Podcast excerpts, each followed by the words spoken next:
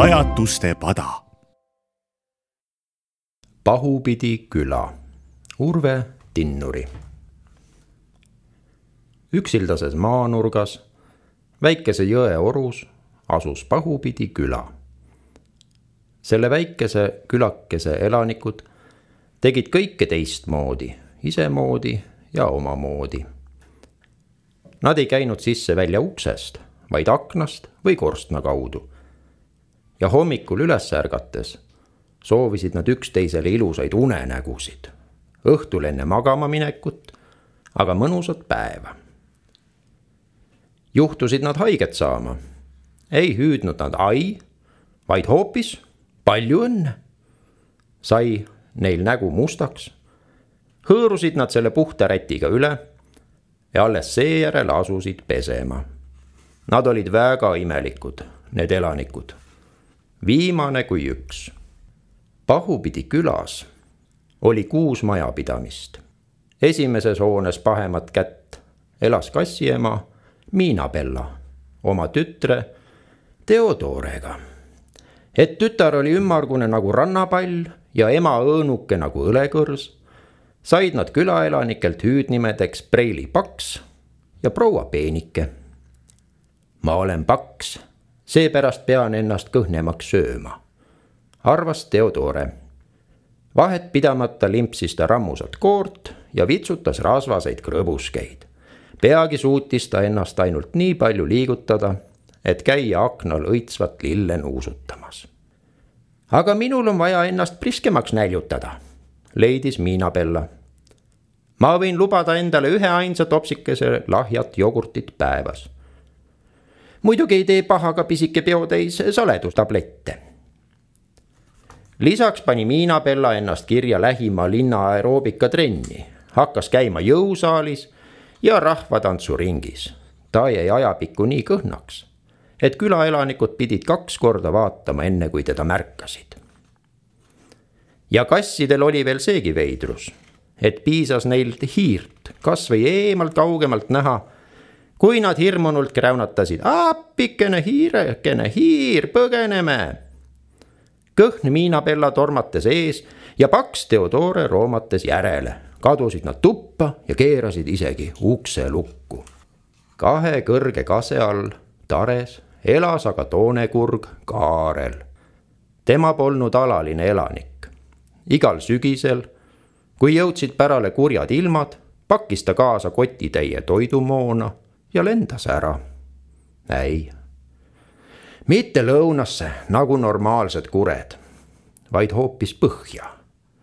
sääl on ju nii tore, saab terve pika talve virmalisi imetleda ja jääkarudega hokit mängida, seletas ta nokka plagistades kevadel lendas Kaarel koju tagasi ja kiitis.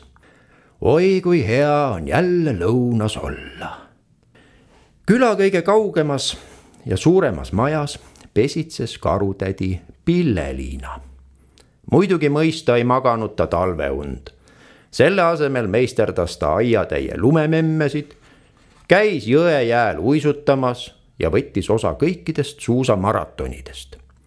igal uusaasta ööl korraldas Pille-Liina lumepalli viskamise võistluse, mille peaauhinnaks oli pütitäis kanarpiku mett. Et tugevale karutädile polnud selles võistluses vastast, sai ta auhinna alati endale. ja niipea kui lumi sulas, ütles Pille-Liina. Nonii, on juba üksjagu üleval oldud, aeg on suveunne jääda ilusaid unenägusid mulle. ta võttis vatiteki peale, kohendas pitsidega padja pea alla ja keeras enese norinal magama. külatänavast paremat kätt elasid rebase Sass ja Susanna koos tütrekese Karmeliitega.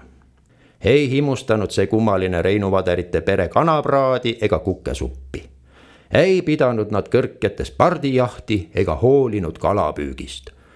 Nemad kasvatasid aedvilja ja maitsetaimi ning korjasid metsast kõiksugu ürte. Terve pere istus lõunatunnil maja ees terrassil ja krõmpsutas mõlema suupoolega rohelist kraami. soovid veel lehtsalatit, kallis? küsis rebase ema. jah, aitäh, armas naisuke, kostis rebase isa. ja natuke peterselli ja tilliga maitsestatud riivporgandit samuti. ja minule veel kapsast, nõudis Karmelita varsti kasvavad neile pikad kõrvad pähe. Itsitasid mööda lendavad naerukajakad nagu jänestel hi,. hi-hi-hi-hi nagu jänestel. natuke jänestena Reinu Vaderid end juba tundsidki.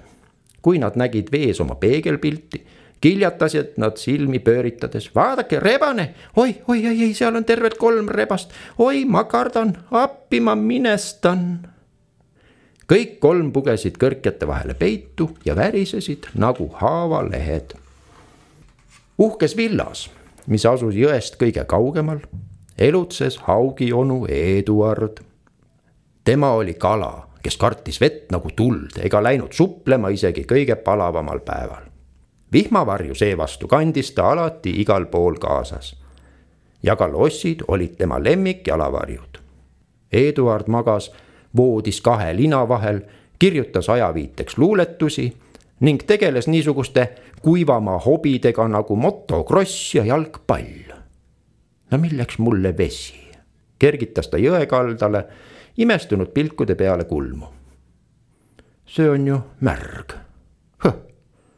ja see on ju külm ka veel. otse veepiiril seisva eramu perenaine oli hobune Hirnalda ei viitsinud ta vankrit vedada ega saani sikutada ning sadulast käis suure kaarega mööda.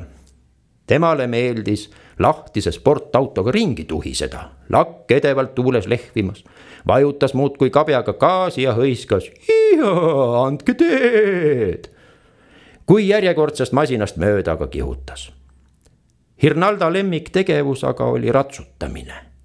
iga kord, kui ta linnas käis ostis ta mänguasjade poest mõne uue kepphobuse või kiikhobuse ja ratsutas nende seljas nii, et pea märg. ratsa nagu elu on ikka tükk maad mõnusam kui ratsu oma, hirnatas ta duši alla kapates. nii peen daam nagu mina olen, kas ma tõesti peaksin laskma kellelgi endale kukile ronida? Ja kogunisti piitsa plaksutada. Või veel ja nii seal pahupidi külas elati. ikka teistmoodi, isemoodi ja ikka omamoodi. kuuldus veidratest elanikest aga kandus pisitasa üha kaugemale, meelitades kohale uudishimulikke turiste. Neid hakkas kohale voorima igast ilmakaarest, küll jalgsi, küll autoga ja bussiga. ühel päeval läks olukord täiesti käest ära külas kolistas sadade viisi ringi küll ümberkaudset, küll piiritagust rahvast. teed allati porile, aiad kõõluti külili ning rahu polnud enam ollagi. linnast palgatud turvamehed, hundid hirmu ja armu ei tulnud korra hoidmisega toime. külaelanike kummalised kombed hakkasid neilegi külge nagu gripp või, või läkaköha hirmu seisis ähkides ja puhkides kord pea peal, kord jalgadel, kujutades ette, et ta on liivakell.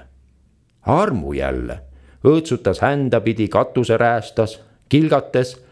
ma olen tuulelipp, ollallallaa, puhub põhjast, pöördub läände, tuulesellid teevad käände. samuti ei tulnud turvamehed tööle vormirõivastuses, vaid üks ilmus kohale täpilises pidžaamas ja teine ujumispükstes, punased plätud varvastele torgatud. külas aga möllutasid karvased ja sulelised, hüppajad ja roomajad. vaadake, pahupidi küla, pahupidi rahvas, kõõksusid ahvipärdikud, näidates näpuga kepphobuse seljas ratsutavale Hirnaldale ja võrkkiiges päevitavale Eduardile. kõik ümberringi naersid suud nabani lahti ja pahandusedki ei lõppenud otsa. kõige kaugem külaline känguruproua Juliana maandus oma eralennukiga otse rebase pere kapsamaal. ja nagu oleks sellest veel vähe, trampis ta tikkkontsadel, karrates sibulapeenrad segi ja peedivaod sassi. järgmisena prantsatas priske jõehobumammi Exodera Haugi onu kodu katuse aknast sisse ja piiludes koos poole katusega majja. litsus laiaks Eduardi voodi ja lõhkus kummuti. karutädi Pilleliina ärkas lärmi peale üles ja paterdas trepile. öösärk nabani rullis ja Kaisu mõmm kaenlas. no mis siin toimub? suveund ei lasta ka enam magada, mõmises ta vihaselt ja kõike seda filmis kohale traavinud teleoperaator kaelkirjaks Saamuel, kellel on oma kõrguse tõttu sündmustest parem ülevaade. sellest tuleb pommuudis, maailma parim saade, teatas ta telefoni teel oma bossile, teleshow Uskumatud asjad toimetajale. nüüd aitab, sai külavanemal rebase isa sassil mõõt täis ja ta kutsus kokku koosoleku. Kaua me ikka ilma rahva naeruks oleme? kaua me laseme ennast siin vahtida ja filmida? iga loom ja lind peab tegema ja sööma seda, mis talle looduse poolt määratud on, on ju?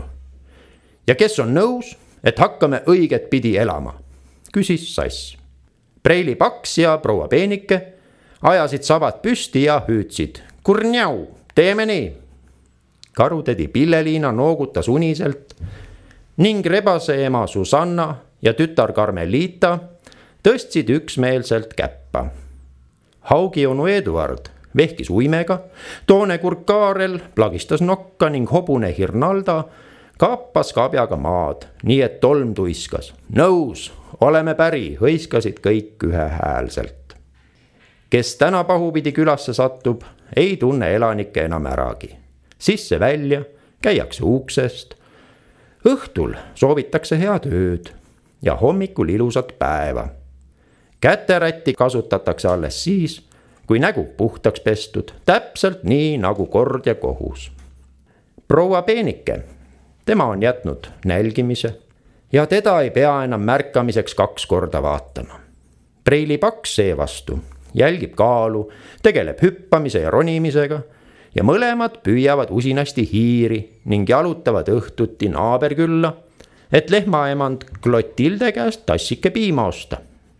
toonekurk Kaarel lendab igal sügisel lõunasse ja hümiseb kevadel kodu poole tõtates. Põhjamaa, mu sünnimaa.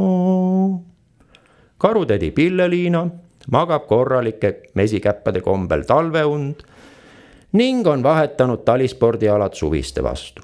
ta ujub, tegeleb matkamise ja orienteerumisega. rebased Sass ja Susanna koos tütre Karmelitaga peavad pardijahti ja püüavad kala. nüüd elavad nad nagu rebased muiste ja mullugi. Haugi onu Eduard, tema andis oma maja Mägra perele üürile, võttis südame rindu ja sulpsas vette ujumine ja lupsu löömine hakkasid talle sedavõrd meeldima, et kuivale maale ta enam kolida ei kavatse. hobune Hirnalda aga rajas rebaste sööti kasvanud Kapsamaale ratsakooli. ja kui ümberkaudsete külade loomalapsed tema seljas ratsutavad, tunneb Hirnalda suurt ja puhast rõõmu. ja jõulude ajal võtab ta saani sappa ja teeb kõigile soovijatele lõbusõitu ka kohakese nimesilt on vahetatud. sellel seisab nüüd Jõeoru küla. ja kui te ei usu, eks minge vaatama. teksti luges sisse Üllar Karu kahe tuhande kahekümne esimese aasta detsembris